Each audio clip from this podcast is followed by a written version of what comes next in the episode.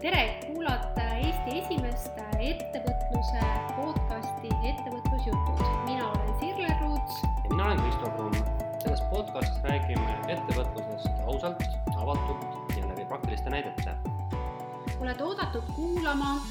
kaasa mõtlema ja otse loomulikult ka tegutsema. kohtume podcastis. tere, Ettevõtlusjutud taas kord eetris, mina Sirle. tere ja mina Kristo nii, nüüd on äh, suvi täies hoos ja kuumalaine kimbutab kõiki, et äh, meie siis tulime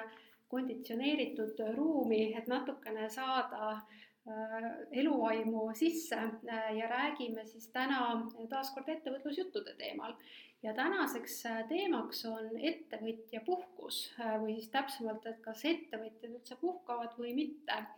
aga ennem kui me siis äh, alustame, kõigepealt ma muidugi tahan väga-väga tänada, et te olete meile tagasisidet saatnud, et see annab väga tugevat motivatsiooni ja tahet äh, edasi minna ja minul on küll juba päris mitmeid teemasid siin varuks, äh, mida võtta ette. et seega siis väga-väga suured tänud, aga nagu ikka et kuidas meil siis äh, läinud on, noh, sest kogemuslood ka kõnetavad ja ka seda on öeldud, et see on oluline osa meie podcast'ist. mina vaatasin eile täitsa kogemata, leidsin ühe sellise video podcast'i nagu First Stage vist on ta nimi, kus on, äh, ma pean ausalt tunnistama, et mul jäi kahe silma vahele saatejuhi nimi, ma kahjuks ei tunne teda, aga ma vaatasin saadet sellepärast, et saates oli Hannes Võrno, keda ma väga hindan ja kes on väga huvitav inimene ja siis ma kuulasin selle eile otsast lõpuni ära ja ma sain päris huvitavat mitu mõtet. esimene mõte on see, et, et äh, nad arutasid selles saates, et podcast sõna on üks halb sõna. Hmm. ja siis Hannes Võrno pakkus välja, et see võiks olla vestlusõhtu või vestlusring. et, et ettevõtluse vestlusring on meil siis äh, selleks, selleks äh, teemaks täna ja, ja noh, nad tegelikult arutasid seal veel mitme asja üle, üks oli ka see, et kui sina ütlesid, et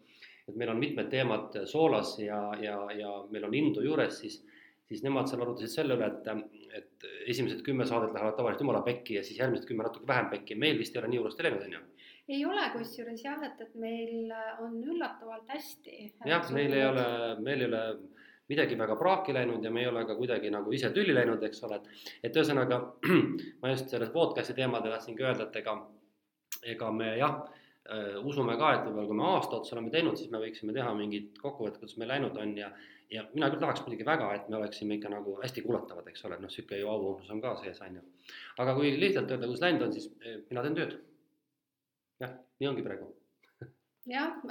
tunne on sarnane, et mina teen ka tööd, aga, aga äh, kui rääkida, rääkida ka tänasest meie teemast ka, et siis tõesti selle äh, kuuma lainega ma jõudsin nagu sellele järeldusele, et äh, Eestis on tegelikult, äh, kui me võtame sellist traditsioonilist Eestimaa suve, siis on see ülihalb äh, tööaeg. sellepärast, et kui sul on ikkagi kakskümmend, kakskümmend viis kraadi, siis ju ei taha toas istuda. aga see, mis meil siin selle kuuma lainega oli, siis ma avastasin ennast mõttelt, et mina tegin tööd kodus, sellepärast et lihtsalt välja ei taha minna ja siis, kui on väga halb ilm, eh, siis ka ei taha minna, ehk siis äh, selles mõttes äh, on praegu minu arust isegi väga tore sellist töötamist toetav siis aeg, et ma loodan muidugi, et nüüd ei lähe ilm selliseks, et tuleb pluss kümme kraadi ja siis suve ei tulegi, aga jah, et, et Eesti, eestlased on, on selles mõttes natukene äh, halvas positsioonis, et äh, meil on suved on ikkagi täiesti mittetöötamist soodustavad. kuidas sa tunned? tegelikult on see kontrast, vaata, et kui sa oled Hispaanias või Itaalias, siis sul on kogu aeg nii soe. ja sa oledki harjunud, et noh, sa tead, et millal sa töötad, millal ei tööta. aga meil on jah see, et, et see üürikeaeg, sa tahad nagu võtta sellest maksimumi, kõik suveetendused tuleb läbi käia, kõik rannad tuleb läbi käia, kõik saared tuleb läbi käia, eks ole, kõik muud moodi. ja, ja siis, siis ongi see, et, et et noh, sa nagu pead tööd tegema, vaata, ja see kontrast, ma ütleks, see on hästi tugev, et talvel me rügame tööd ja siis hakkame ootama, millal see suvi tuleb, eks ole, niimoodi. me ei oska nagu, või noh, mitte ei oska, ma ütleks, et meil ikkagi jah, et, et see kliima ei toeta sellist läbi aasta töötamist, et meil on, me, me panustame oma puhkusi kõik tavaliselt ühele kitsukesele ajaperioodile jah, tõsi ja, ja seega noh, mina eelmine nädal tõesti, kui oli see hästi suur kuumalained, siis äh, ma tõesti tegingi tööd ja võib-olla ka seetõttu, et mul on nüüd selle kooli lõpetamise tagajärjel on justkui mingi paisu tagant sellist inspiratsiooni välja lennanud, et mis ennem oli suunatud kõik sellesse magistriõppesse, et siis ma kasutasin seda ära ja ma tõesti disainisin oma teenuseid äh, ja korrastasin oma kodulehte. Ja aga aga muidugi võtsin ka sellised päevad, kus kohas ma läksingi randa, ostsin äh, mulle naiste ajakirja ja lihtsalt puhkasingi. noh, ütleme nii, et, et me räägime täna, eks ole, ettevõtja puhkusest, siis iseenesest ma ju tean, et selles pole midagi enneolematut, et ettevõtjal võiks ju olla see vabadus, et ta saabki nii töötada kui puhata natukese paindlikumalt või isegi rohkem paindlikumalt kui näiteks palgatöötaja mm. -hmm aga lähmegi sellesse teemasse sisse, kuna teema on nii aktuaalne, et me juba läks, läksime mm -hmm, tegelikult sellesse sisse. et äh, ärme siis äh, kallist äh, suveaega siin kuluta ja lähme kohe siis mm, teemaga edasi, et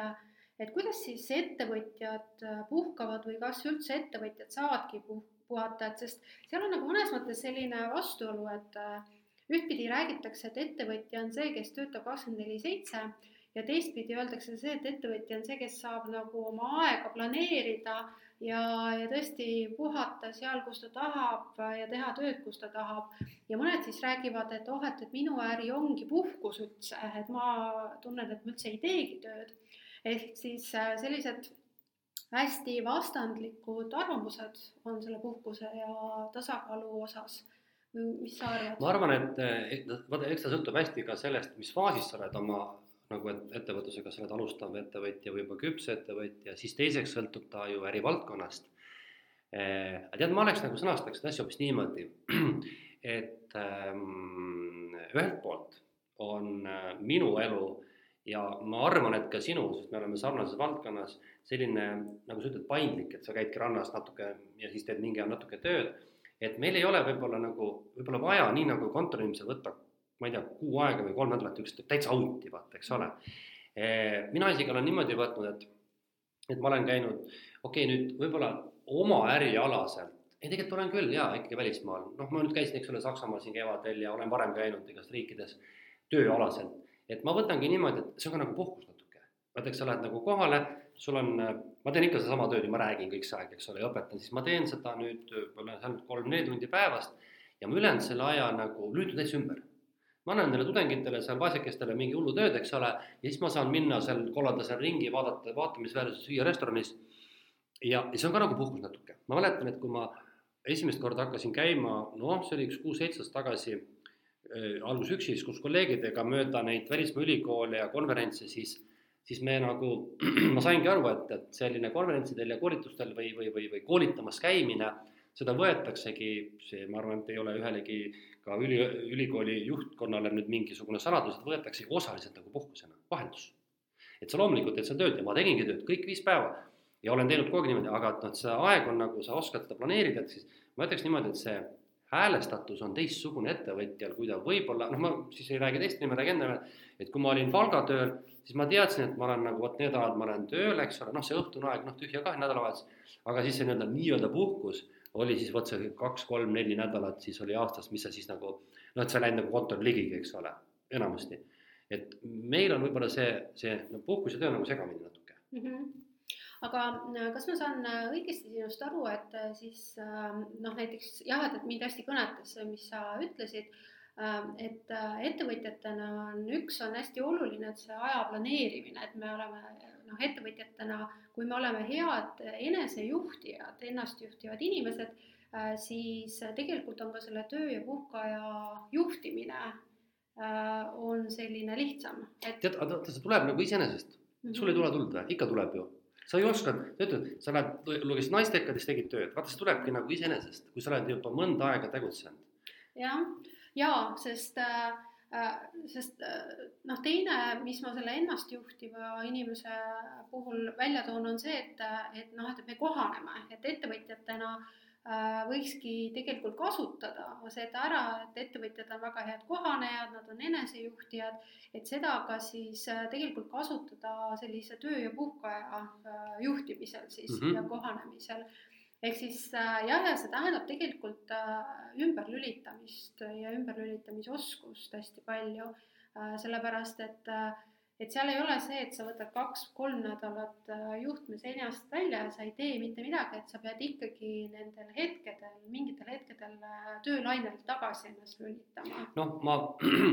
võib-olla siis kiiresti kajastan enda, ütleme, ma võtan viimased viis-kuus aastat, millal ma olen olnud rohkem koolitaja ja võib-olla siis natuke vähem ainult õppejõud mm,, siis kunagi ma mäletan, kui ma tegin kannapöörde karjääris ja hakkasin nii-öelda ainult õpetamisega tegelema, siis mul oli ikkagi sisuliselt oli kaks kuud suvel vaba. aga tähendab seda, et alates septembrist kuni mai lõpuni ma uhasin kõik päevad, mul olid, äh, ma olin üks kuus-seitse aastat ülikoolis, kus ma ka laupäeval-pühapäeval töötasin, kõik laupäeval-pühapäeval, kujutad sa ette, absoluutselt kõik päevad. ainukene auk, mis mul tekkis, oli pisuke auk jõuludest siis mis kümme päeva või kaks nädalat. ja ma kogu aeg uhasin kõik päevad niimoodi. aga siis oli see kaks kuud oli auku. aga see hakkas mulle materiaalselt nagu nagu ei, ei mänginud välja, ütleme siis niimoodi. ja nüüd ma olen teinud niimoodi, et ma tegelikult olengi selline nagu enesejuht ja hästi tihedalt, hästi, hästi tugevalt, et ma näiteks võtame nüüd viimase aasta, siis eelmine aasta ma puhkasin vist kuu aega äkki või no teravahem, tegelikult ikka vähem. olin samamoodi, suvel tegin tööd, augustis oli mingi auk või mingi poolest juulist vist nii. ja siis poolest august hakkas pihta, siis ma näiteks äh, uhasin pool sügist või noh, terve sügise, siis ma käisin nüüd veebruaris käisin korra välismaal nädal aega, siis ma jälle töötasin, siis ma käisin nüüd jälle mais käisin välismaal, siis nüüd ma töötan ja noh, ilmselt nüüd ma jälle mingisugune, mul on praegu noh, mul on umbes kaks-kolm nädalat on niisugust, kus ma kas üldse ei tee midagi või teen väga vähe ja siis hakkab jälle sama rütm pihta. et ma enam ei tee selliseid kahekuiseid äh, nagu perioode, vaid vastupidi, ma püüan niimoodi, et ma saan lubada endale mingeid niisuguseid noh, maksimaalselt nädalasi vahepalasid, äh, on ta siis reisimise või mingi muu tegevusega mm. -hmm. kui sa siis äh, võrdled seda, kui sul oli kaks kuud ja see praegu, et kui sul on need nädalased puhkepausid, et see sulle meeldib rohkem? mulle meeldib see rohkem, sest mm -hmm. vaata, kuidagi see periood läks liiga pikaks, kus sa üldse nagu ei saanud juhet välja mm. -hmm. jah, tore on mõelda, et kõik on alati kaasas, et oh, issand, see on kaks kuud suvel vaba, aga tead sa, see see, see parem on, parem on jagada seda niimoodi. Mhm. ja nüüd, kus ma olen, eks ole, ettevõtja, kus mul on võimalik käia Eesti sees ringi, ma käin erinevates kohtades koolitamas, siis mul on võimalik võtta mõnikord niisugune noh, ütleme niisugune pool nädalat vabaks. see on parem jah, mulle meeldib see rohkem. ehk siis noh, kui ma räägin, mõtlen, ma kuulan sind ja siis ma mõtlesin ka ise, et kuidas mul on, et Äh, noh, mina olen üldiselt niimoodi, et ma suviti olen teinud tööd äh, ja, ja just seetõttu, et ma tahan, noh, ma olen suhteliselt noor ettevõtja tegelikult äh, ja mul puudub, noh, ma ei, ülikoolis niimoodi põhikohaga ei õpeta, et see tähendab seda, et ma pean hästi nagu hooajaväliselt selleks uueks hooajaks on ju ette valmistama. Välja arvatud eelmine aasta, eelmine aasta mul oli üliedukas talv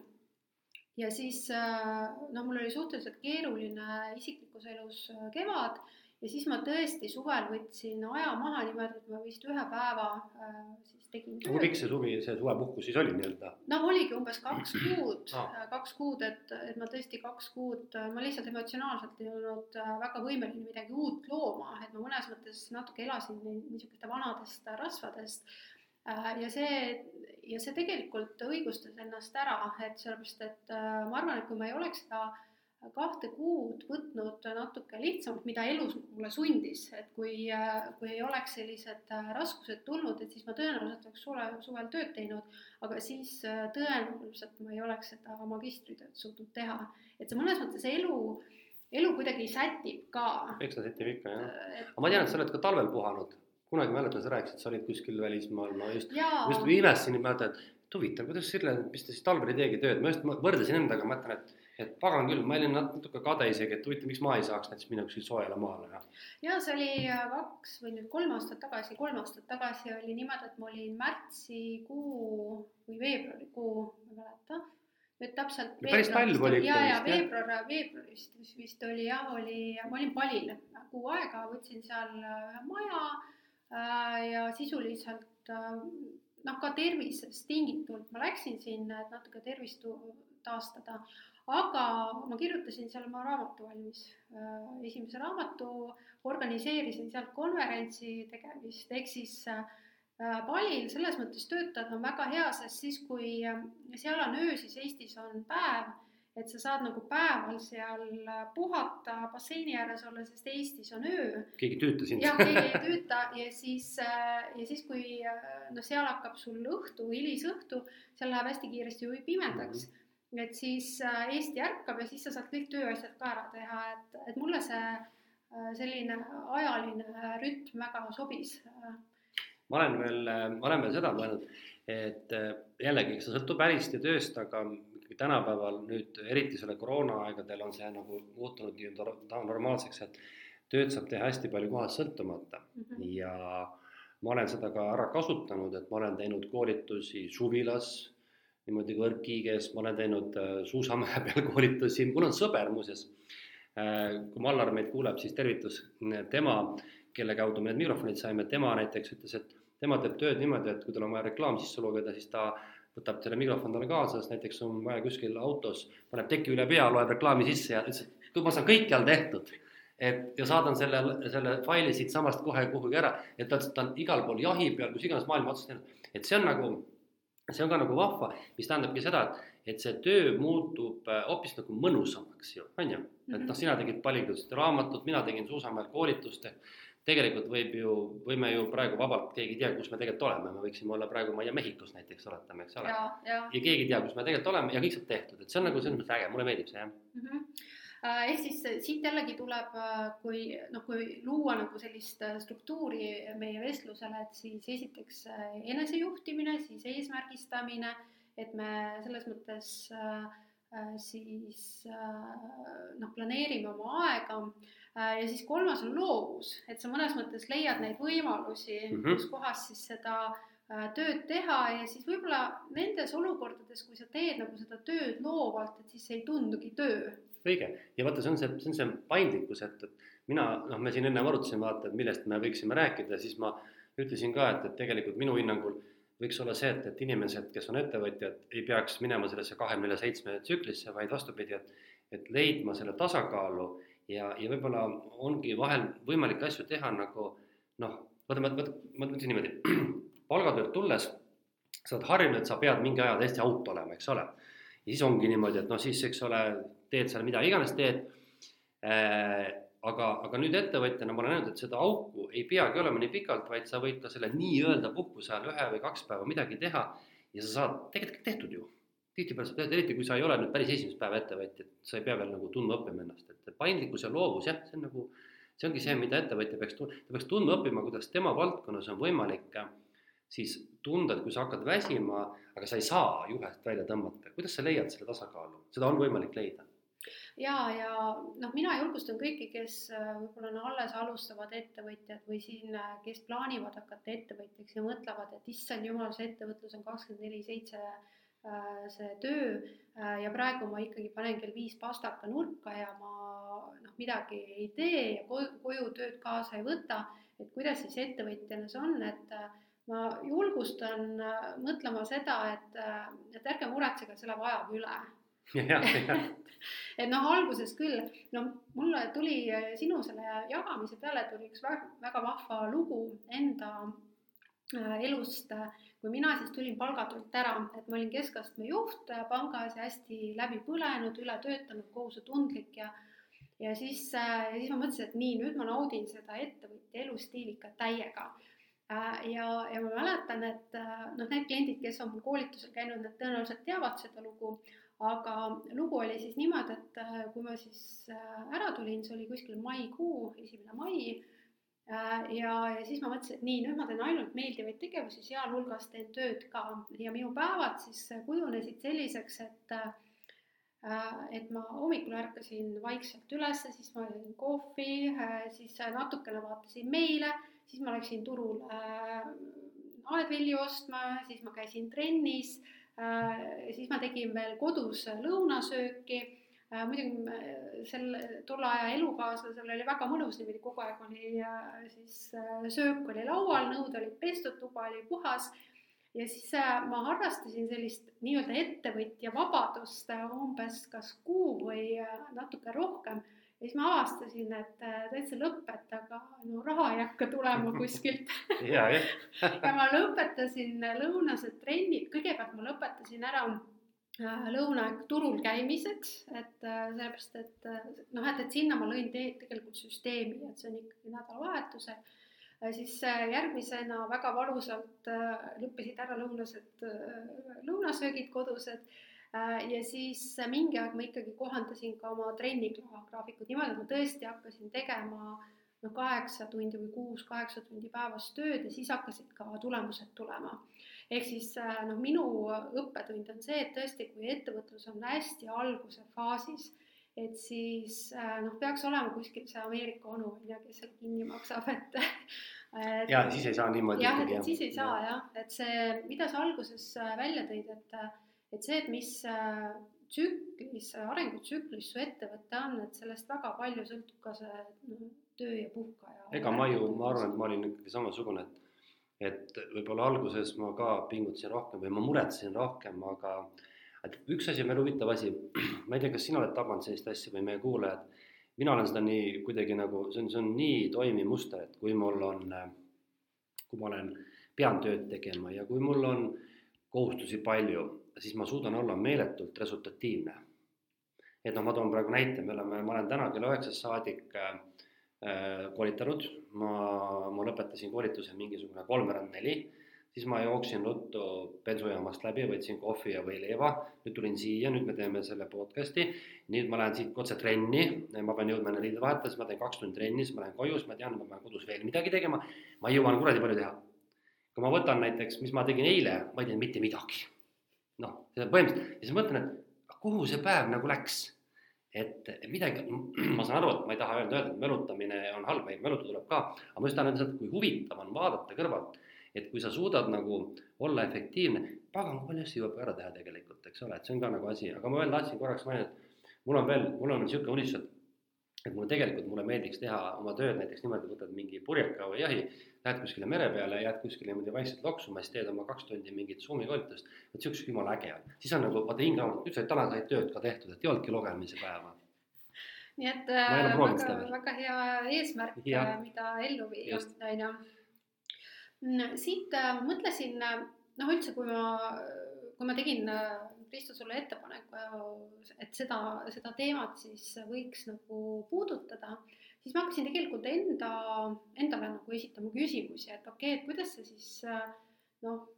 puhke, puhke või tööaeg on, et kuidas mina olen siis noh, puhanud või kuidas on see mõjutanud minu neid valikuid, kas ma olen teinud tööd või ei ole ja siis ma jõudsin sellise päris huvitava järelduseni, et kui ma võrdlen oma eelnevaid aastaid ja siis äh, seda eelmist aastat, äh, siis eelmine aasta ma sain täiesti süümepiinadeta puhata, sellepärast et äh, piltlikult öeldes mul olid arvelduskontod raha täis. Et aga noh, nendel hetkedel, kui seda ei ole olnud ja noh, näiteks praegu, kui ma ostsin endale korteri et äh, siis, äh, siis ausalt öeldes nagu päris äh, juhet seinast välja ei saa tõmmata. ja selle, selle mõtte peale siis ma tegin väikese analüüsi oma noh, nii-öelda konkurentidel või koolitusettevõtjate seas, kes siis näiteks hästi siis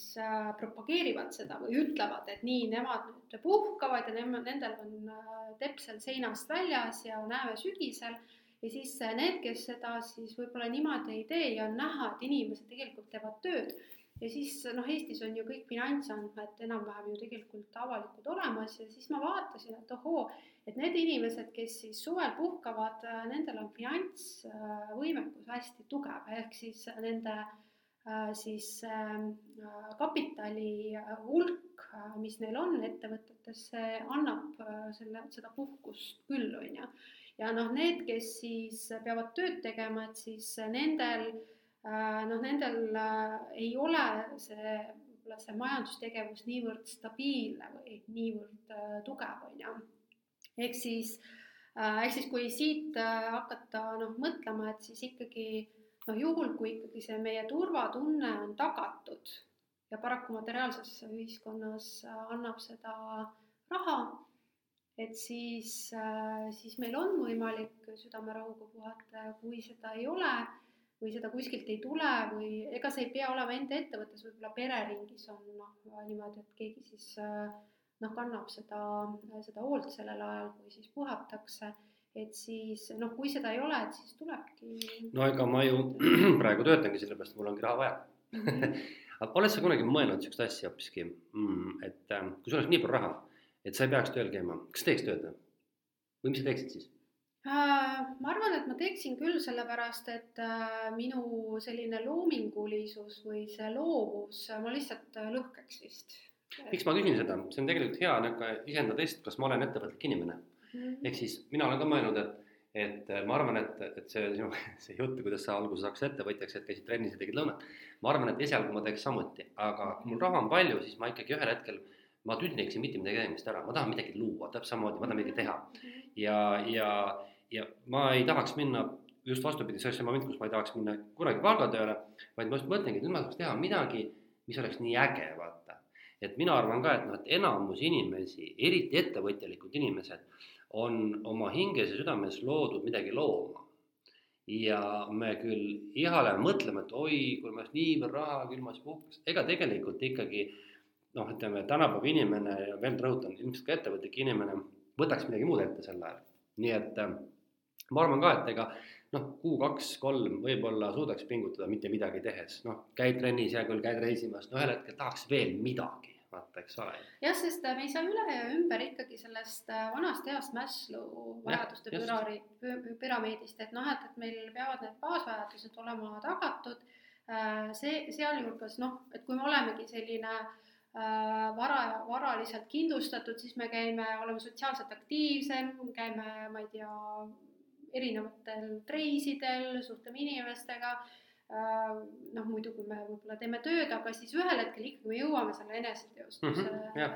juurde tagasi. oled sa kunagi mõelnud, kus kohal sina oled praegu see on isiklik küsimus muidugi. No mina, äh, kui ma mõtlen seda Maslow vajaduste püramiidi, et siis no selle püramiidi niimoodi sisu on see, et sa võid tegelikult nagu nendel erinevatel no ikka natuke liigud jah. et siis mingis osas ma uuesti oma turbulentsete isiklike äh, elu äh, muutustega loon seda turvatunnet, aga kindlasti mingi sellise, kui ma vaatan oma ettevõtte tegevusi, äh, siis see on väga oluliselt suunatud just selle eneseteostuse võib-olla seal on nagu ka see, et selle väärtuse loomisele, et mitte see, et mul endal on heaolutunne, vaid äh, ka see, et ma loon mingit muutust, et äh, noh, kui ma vaatan, et kui ma disainin oma seda mentorluse teenust praegu ümber, et siis ma hästi-hästi vaatan, et see kõnetaks seda klienti, et see aitaks teda, on ju. Et, et seega, seega ma noh, laperdan natukene praegu kahel tasandil. noh, jaa, no tegelikult, eks ole, kui me räägime ikkagi nagu sellest puhkusest ja teostusest, siis noh, ma olen nii palju, kui ma olen kõiki neid teooriaid näinud, kuulnud, lugenud, siis ma võin selle kokku võtta ikkagi hästi lihtsalt öeldes niimoodi, et igal inimesel on umbes kolme nagu tasandi siuksed nagu ideaalid ja unistused. ühed on niisugused praktilised vajadused, mis me oleme alati rääkinud, see on nagu hästi elementaarne, mõnel on nad kõrgemad, mõnel madalamad. Teine on see tunnustuse pool, me tahame kuuluda kuhugi, me tahame saada tunnustust, eks ole. ja kolmandaks on see nii-öelda sihuke emotsionaalne, ehk seesama enese, eneseteostus, enese mingi saavutusvajadus mm. -hmm. et ma arvan, et kolm asja on olemas, mõnel on nad vähem, mõnel on nad rohkem, mõnel on mõni on uhte kinni jäänud, mõni ei ole sinna veel jõudnud, aga ma arvan, et needsamad kolm asja on ja, ja selles mõttes mina ka ei saa öelda, et ma olen vot selle tasandile välja jõudnud, ma arvan, et kolm asja käivad kogu aeg segamini. Eks mhm. ole, noh, lihtne näide on kasvõi see, et kui sa, sa ostsid praegu uue korteri, see tähendab sinu jaoks uut maja, maja, materiaalset tasandit, mis toob kaasa uued kulud. No laenukulu kasvõi, on ju niimoodi, eks ole. jah, uus mööbel, eks ole, uued asjad, kõik. Eh, siis sa vaatad ühel hetkel, et oo oh,, kuule, ostaks ägedama auto, eks ole, näed, sa siin räägid, võiks osta uue arvuti, vaata on see materiaalne pool, lihtsalt sa ei mõtle selle peale, et kas sul leib on laual, aga sa mõtled oma materiaalsetes asjades niikuinii. me lihtsalt äh, selle kohta öeldakse, et, et äh,, tänane normaalsus on eilne luksus või vastupidi, eilne luksus on tänane normaalsus mm. -hmm. see, mis eile tundus sulle kättesaamatu, täna tundub normaalne, sa ei ole sellest, sa ei soovi alla minna, see tähendab, et sa lood endale niikuinii uued materiaalsed väljakutsed, nii. nüüd see, mis puudutab seda tunnustuse poolt, siis noh, oleme ausad, iga inimene, isegi see, kes on kõige-kõige tipus, tahab seda mingil hetkel, et keegi teda tunnustab. ma ei ole näinud ühtegi inimest, kes ükskõik missugusel levelil ei sooviks seda, et teda tunnustatakse. See on absoluutselt igale inimesele, presidendile, miljonärile, ma ei tea, kellele iganes tegelikult omane.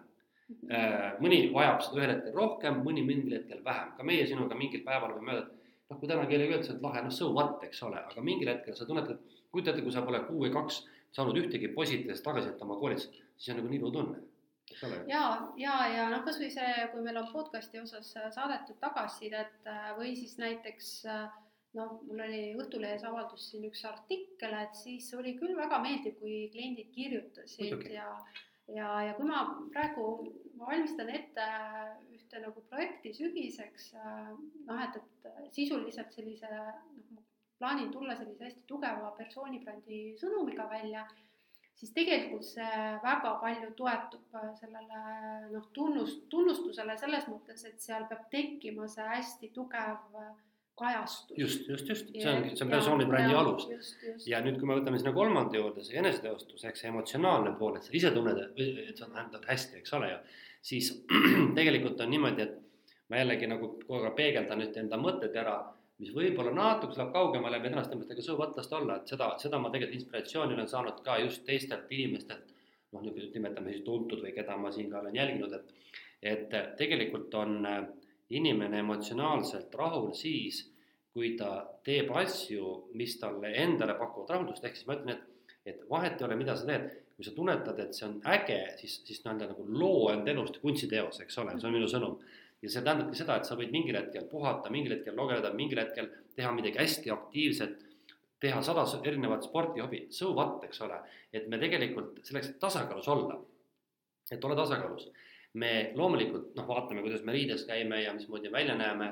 aga samal ajal me täiuslikuks või terviklikuks saades peaksime hästi palju panustama ka sellele, et mida me ise tahame saavutada, tahame teha.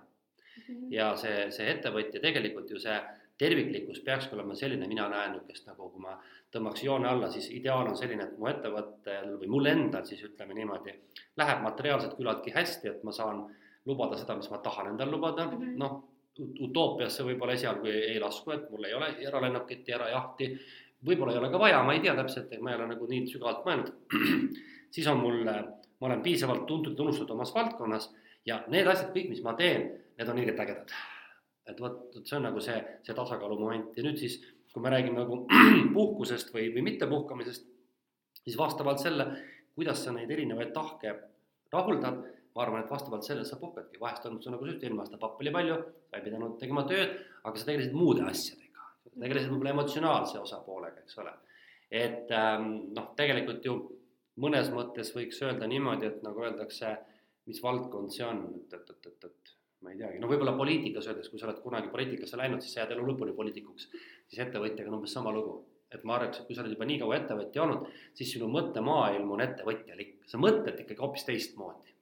ja, ja see hästi kõnetab mind praegu, et siis, kui ma noh, siin magistratuuri ära lõpetasin, siis mm, siis tekkis tegelikult paar sellist hästi atraktiivset nagu noh, ma nägin paari hästi atraktiivset töökuulutust, et need ei olnud tööpakkumised, aga ja täna ka kusjuures nägin, et mis mõnes mõttes lähevad nagu rusikas silmaauku selle minu magistritöö teemaga ja kogu selle kontseptsiooniga. ja, ja no ei tõusnud kätt, äh, et seda noh, taotlust ära saata, sellepärast et, et lihtsalt ma arvan, et ettevõtlus on mind niivõrd ära rikkunud palgatöötajana, et ma, ma ei kujutaks ette, et et noh, ma ei hakka sellele tööandjale tegema seda karuteenet, et ma kandideerin, sellepärast et ma arvan, et ettevõtjana lihtsalt äh, need nõudmised on hoopis äh, teistsugused, et selle kohta võib öelda, et see point of no return on juba ammu möödunud mm. -hmm, eks, aga, aga ma arvan lihtsalt ikkagi, ma ütleks isegi niimoodi, et nii-öelda psühholoogina jutumärkides, et, et sinu need erinevad aspektid ja tasandid saavad palju suurema rahulduse ettevõtjana, kui sa saaksid palgatöötajana. just nimelt ikkagi ma arvan, et see tunnustus, eneseteostus on selle juures nii palju tugevalt võimalik. materiaalselt võib-olla oleks mingid ametid, millest võib-olla saaks sama hästi kasu ja võib-olla kergema vaevaga aga ma just arvan, ma just ütlengi, et need kaks muud tahku jäävad saavutamata palgatööl paljuski mm. -hmm. jah, et, et noh, jah, et, et sest kui sa oled ettevõtjana seda maitsnud, seda eduelamust, et siis, siis tõenäoliselt jah, et, et tuleb enda vastu hästi-hästi aus olla niisugustel hetkedel, et sest noh, ma valmistan siin ühte koolitust, et mis puudutab just, et kuidas siis ettevõtjana tahet ellu viia ja seal just oligi ka see, et, et noh, et, et selleks, et seda tahet ellu viia, alati elu nagu testib sind ja kui palju sa seda tahad, et seal on see kinnitamisfaas, et kas sa oled tun-, noh, näinud, et kui sa teinekord midagi nagu ära otsustad, on ju, siis tuleb see mingi alternatiivne pakkumine või et noh, et, et paneb sind mõnes mõttes testile, on Mhm, ju. et, et siis, siis ongi see, et ja nendel hetkedel sa mõtledki näiteks ettevõtluses ongi see töö ja puhkeaja tasakaal, mida sa saad ise luua, aga tegelikult see kaalub üle selle, et sulle öeldakse ette, millal sa puhkad, on ju. jah, ja kusjuures üks asi veel, kui me räägime rahast ja sissetulekutest, siis see, see ettevõtjaliku paindlikkus, mul on, see oli ammu juba aega, see oli jummel,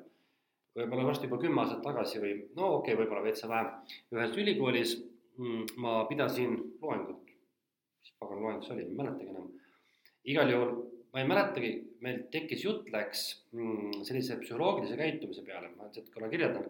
et eh, see on niisugune käitumine, mida ma pangas olles tajusin eh, esimest korda ja mida ma olen tegelikult järginud, et see on niisugune näide, et, et, et kui sa ütled inimesele, et hakka raha säästma. no ütled talle näiteks, et säästa näiteks ütleme noh, ma panen sealt, toon lambi näite, säästa näiteks kuussada eurot. nii inimene ütleb, et ei, kurat, see on nii kallis, et mul ei ole nii palju raha lihtsalt, noh, mul on nii väike palk, et ma ei saa nii palju lubada. ja jätabki säästmata.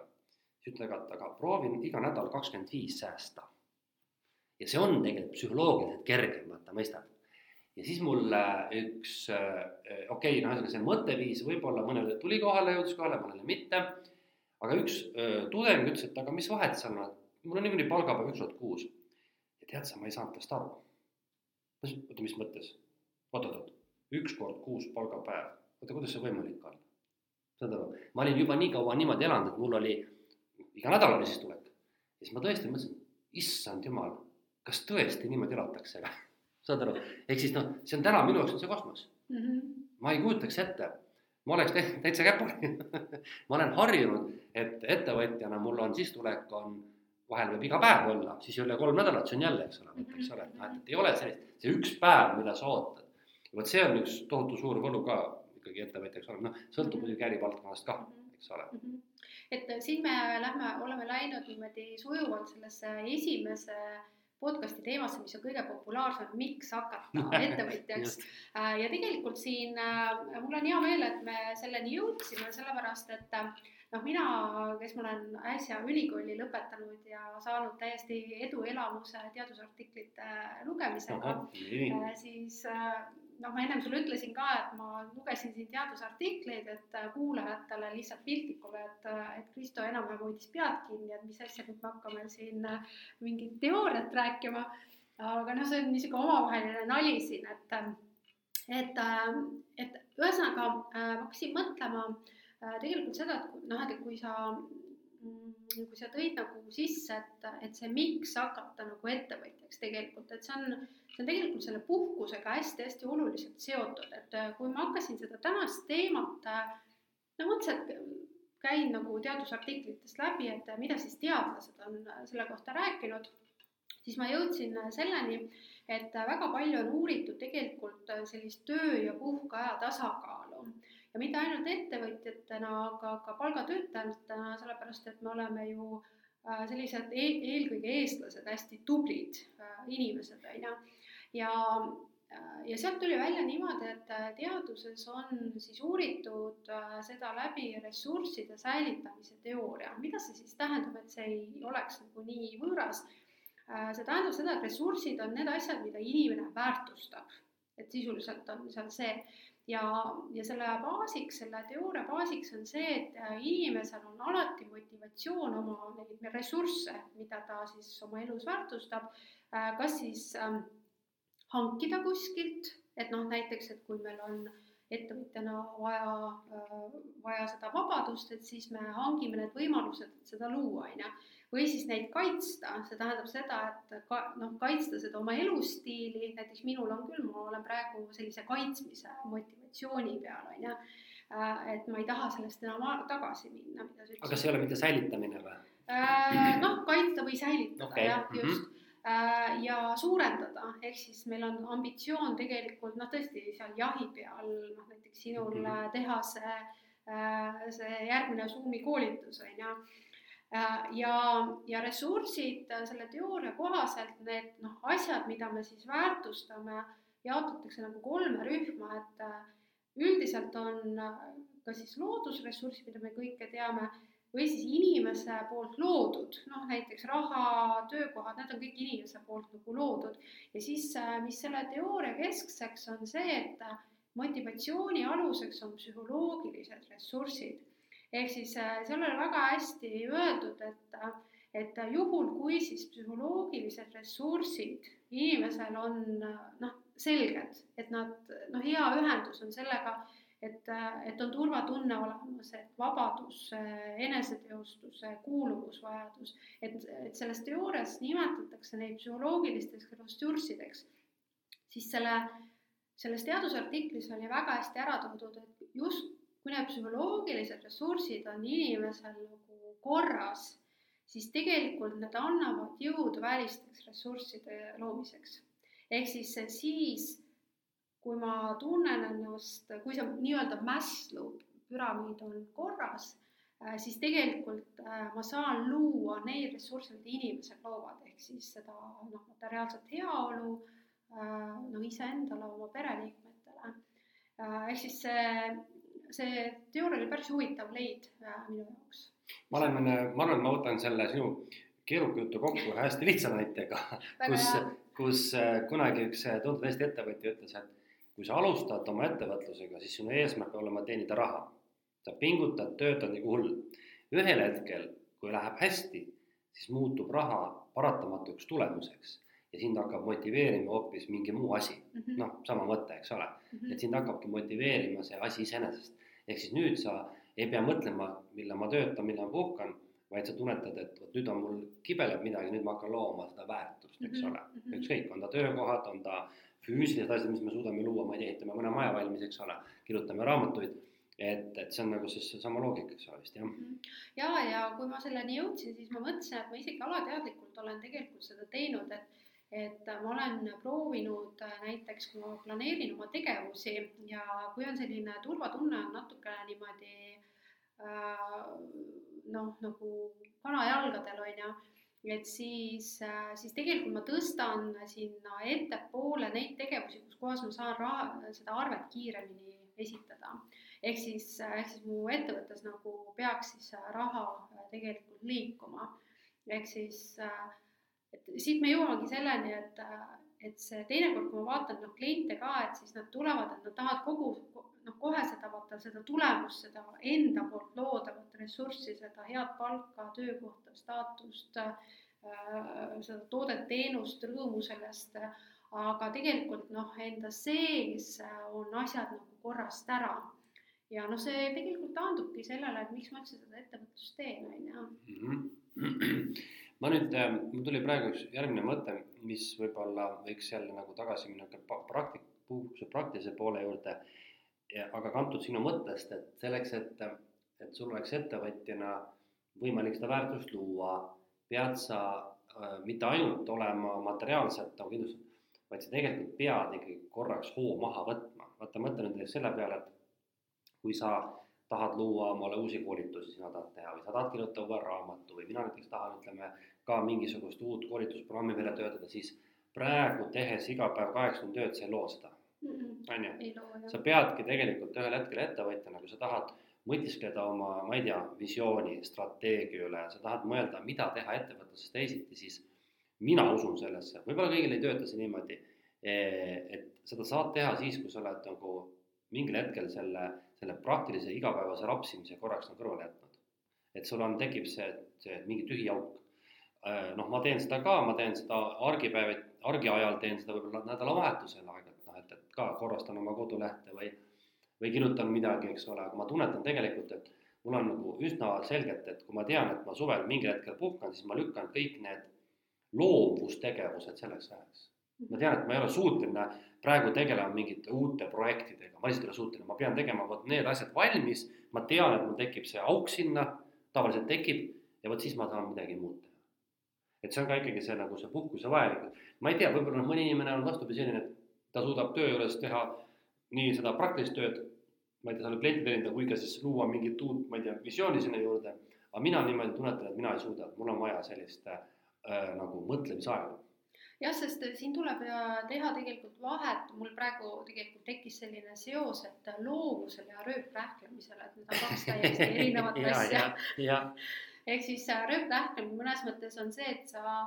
noh, see on natuke nagu tulekahjude kustutamine, et noh, et kus kohas on selline ärevus on sees, sa nagu mõnes mõttes kogu aeg teed, teed, teed, aga loovus on nagu see, et kus kohas sa tõesti oled selles noh, mõnes mõttes ma ei tea, spirituaalses maailmas öeldakse seda, ma ei tea, kanaldamine või, või ma ei tea, infoväljaga ühenduses olemine või äh, või siis noh, lihtsalt, et sa, et sa lood nagu noh, midagi uut, et aga see, see, seda tõesti noh, mina, kes ma olen selline multitaskija äh, meister, et siis äh, ma näiteks ka ei suuda seda teha, et siis seal on selline ärevuse foon taga, ma olen tundnud mm. -hmm. Et... ma ise, ma ise olen selles mõttes samamoodi sinuga sama, samal meelel, et eks ole, see rööprähklemine on, see on meile tegelikult omane, see on lihtsalt äge, sa tunned õudselt produktiivselt ennast sellena tegelikult, aga noh, see on nagu see tulega jõustamine, aga aga ma mõtlengi, et noh, et, et ma olen nagu päris sageli mõtestanud seda, et kuidas ma saaksin, et, et kas ma tahaks midagi muuta sellesama töötamise ja mittetöötamise kontekstis mm,. me oleme seda vist varem mingites saadetes puudutanud ka, et mis võiks olla see unistus, eks ole, siis, minu unistus on see, et, et kõigepealt Äh, ma, mul on alati meeles see, issand, oli see, ei mitte Jauno Pastjalt, see, ühesõnaga keegi tuntud meil inimene kunagi ütles niimoodi, et tema unistus oli, et, et ma teen sada protsenti ainult neid asju, mida ma tahan teha ja ei tee ühtegi asja, mis ma pean tegema. mul vahepeal arvasin, et mul õnnestus sinna tahtmise juurde minna ja see pidev, mida pean tegema, muutus väiksemaks. aga ilmselt on mingid tegevused, mida ma olen teinud, mingid tööd, asjad on nüüd sellest tahtmisest muutunud pealtegemiseks paratamatult, eks ole. ja nüüd ma tunnetan, et ma, ma tean, et see niikuinii juhtub, et kui sina teed praegu mingi koolituse valmis, mingil hetkel sa tüdined sellest või see hakkab väsitama, siis muutub tahtmine pealtegemiseks. et mul on unistus, et ma saaksin kasvõi mingi aja nüüd mingid noh, see on küll, kõlab jube imelikult, aga lõpetada ära mingid projektid, mida ma enam ei jaksa teha või mis ei paku pinget, vaata. ja teha kasvõi mingi aja ainult täpselt seda tööd ja pakkuda seda väärtust, mis mul iga kord paneks silma särama. ja vot see on, see on nüüd see moment, kus ma tunnetaksin, et, et äkki mul tekib veel parem tasakaal selle töö ja puhkuse vahel, et praegu ma töötan nagu esiteks sellepärast rohkem võib-olla, kui ma tahaks töötada, mul on raha vaja. ja teiseks ka sellepärast, et on mingid asjad, mis on pooleli, vaata, eks ole. et, et on mingid asjad, mis on pooleli, näiteks noh, toome näite, ma tulen me oleme praegu TalTechi siin uhkes raamatukogus, ma tulen sügisest tagasi TalTechi nagu põhikohaga tööle, ma ei ole siit tegelikult majast kunagi ära läinudki kolmekümne aasta jooksul, aga lihtsalt juriidiliselt ma ei olnud põhikohaga töötaja. nüüd ülikooli vahetus tähendab ka seda, et,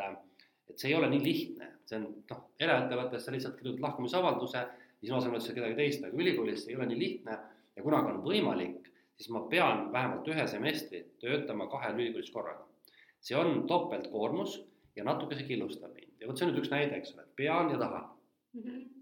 et ma pean lugema mingeid loenguid, mida ma tegelikult teen kohusetundest ja sellest, et ma pean selle ära lõpetama, see on lõpetamata asi, nüüd ühel hetkel peab see lõpetatud saama. siis ma saan endale rohkem aega, siis ma saan teha rohkem, mida ma tahan teha. ja siis ma suudan seda töö ja puhkuse tasakaalu rohkem leida, aga selle juures ma tean juba ette, et ma ei saa seda rahalist poolt ka ära unustada. me ei ole, meil ei ole sinuga nii suurt passiivset rahavoogu, eks ole, meil ei ole neid miljoneid kuskilt võtta, et me võiksime teha ainult fancy sid asju, eks ole, tegelikult.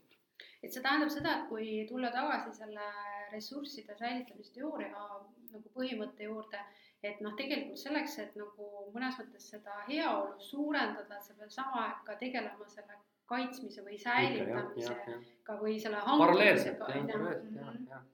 Jah, et, et noh, et see on äh, päris suur väljakutse tegelikult, et, äh, et sellepärast, et,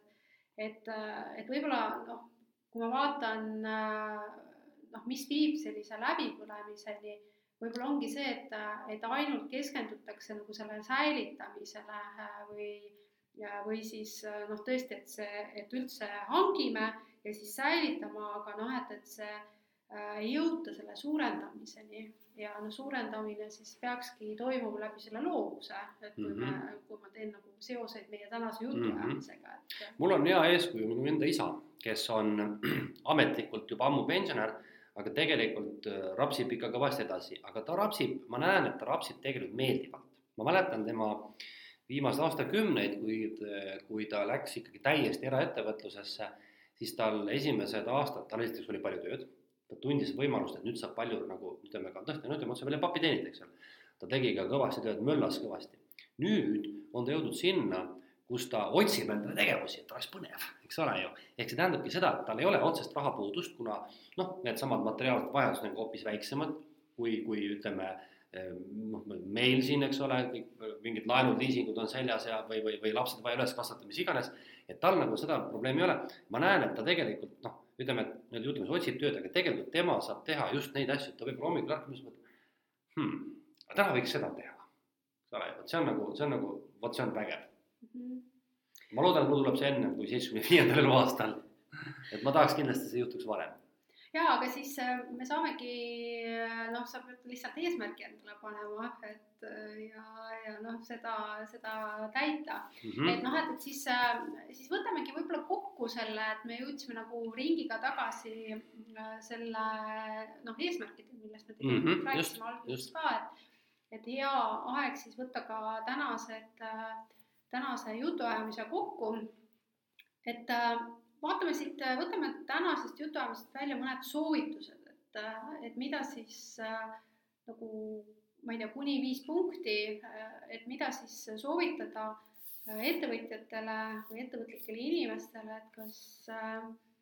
et kuidas siis puhk, puhata või kuidas seda töö ja, töö ja isikliku elu tasakaalu tuua? noh ja üks mõte, ma ei tea, kas see aitab seda tasakaalu luua, aga see on minu ühelt äh, kunagiselt tuttavalt või, või ammuselt tuttavalt õigemini, kes on ka samamoodi koolitaja nagu meiegi ja ma kunagi lugesin tema mingisugust kirjutist või, või mingit niisugust mõtekest, et tema äh, ka noh, rapsis nagu ikka me kõik rapsime ja mingil hetkel ta noh, jõudis kõiki sinna välja, et, et, kolm asja, et, et, et praktilised, emotsionaalsed ja kindlad olid nagu enam tasakaalus. ja siis tema lõi endale jõuga sellise ma ei mäleta, mingi neljapäevase või mitmepäevase töönädala. ja see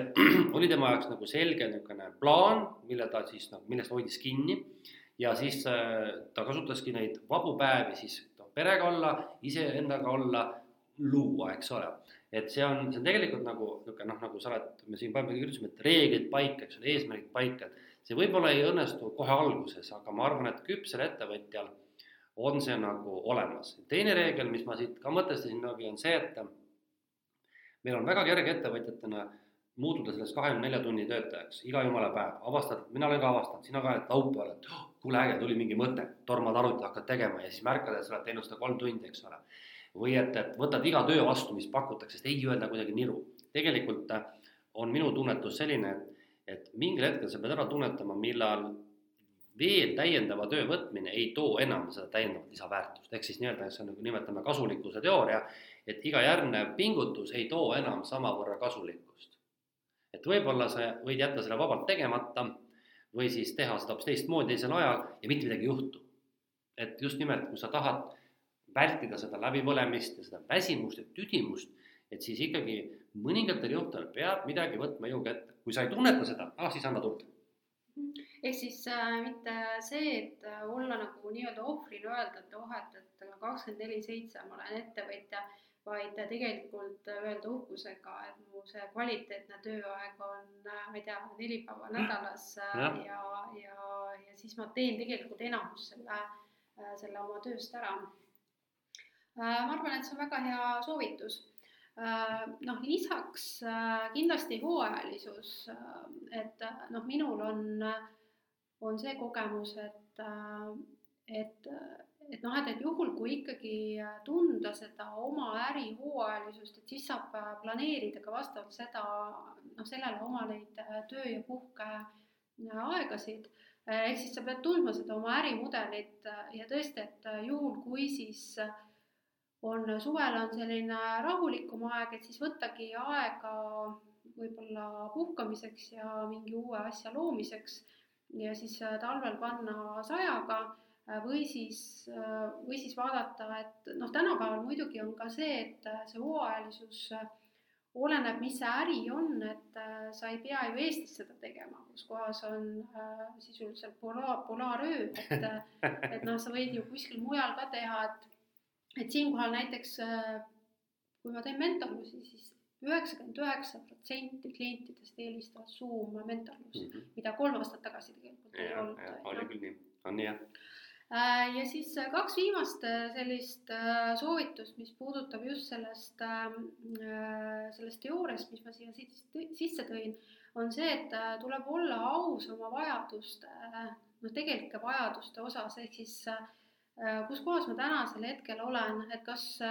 kas mu turvatunne on olemas, äh, siis äh, mida ma tegelikkuses siis, äh, millist vajadust ma nagu lähen rahuldama nii-öelda, millest mul puudu on. ja, ja mulle väga meeldis see mõte,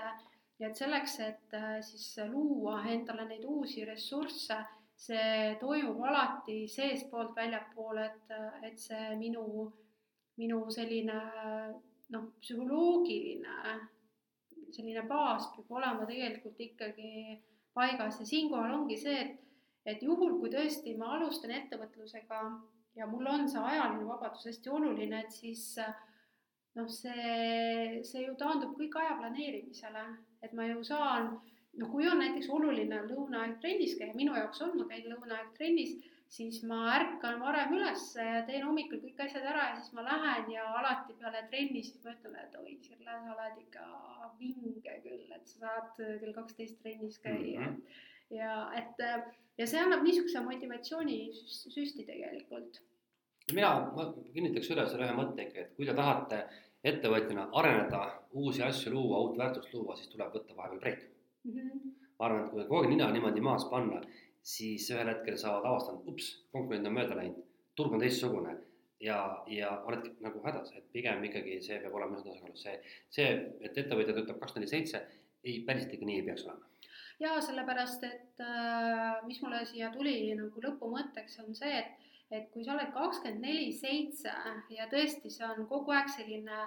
noh, nagu stressi, ärevuse foonil tegutsemine, siis sa ei märka lihtsalt ärivõimalusi. jah ja noh, ärivõimaluste märkamine on seotud tegelikult loovusega mm. -hmm. et, et seega tasub, tasub ikkagi luua endale süsteem, ka puhkamise süsteem, olla aus iseenda äh, vajaduste suhtes ja ja mina siis, kui mulle kliendid teinekord ütlevad, et äh, noh, kakskümmend neli seitse, et siis Äh, siis tegelikult see on noh, natuke ikkagi selline ohvri mentaliteet, mul on niisugune mm -hmm. tunne, või selline ülitublide inimeste niisugune, et, et noh. tahan näidata, ma olen hästi äge. ja, ja, ja et seega ära, ära seda nagu võta endale, kui endale nagu sisestada, et ma töötan kakskümmend neli seitse, siis sa töötadki, aga kui öelda, et ma ei tööta kakskümmend neli seitse, vaid mul on kindlad piirid, äh, siis, äh, siis tegelikult on see ettevõtlus väga nauditav nii, aga siis me oleme tänase teema purki saanud mm. -hmm. me saame soovida vähemalt korra ilusat suve. praegu on ilus ja suve on ka. ja et äh, ilusat suve jätku äh,, juhul kui siis kuulete talvel seda, et siis äh siis äh,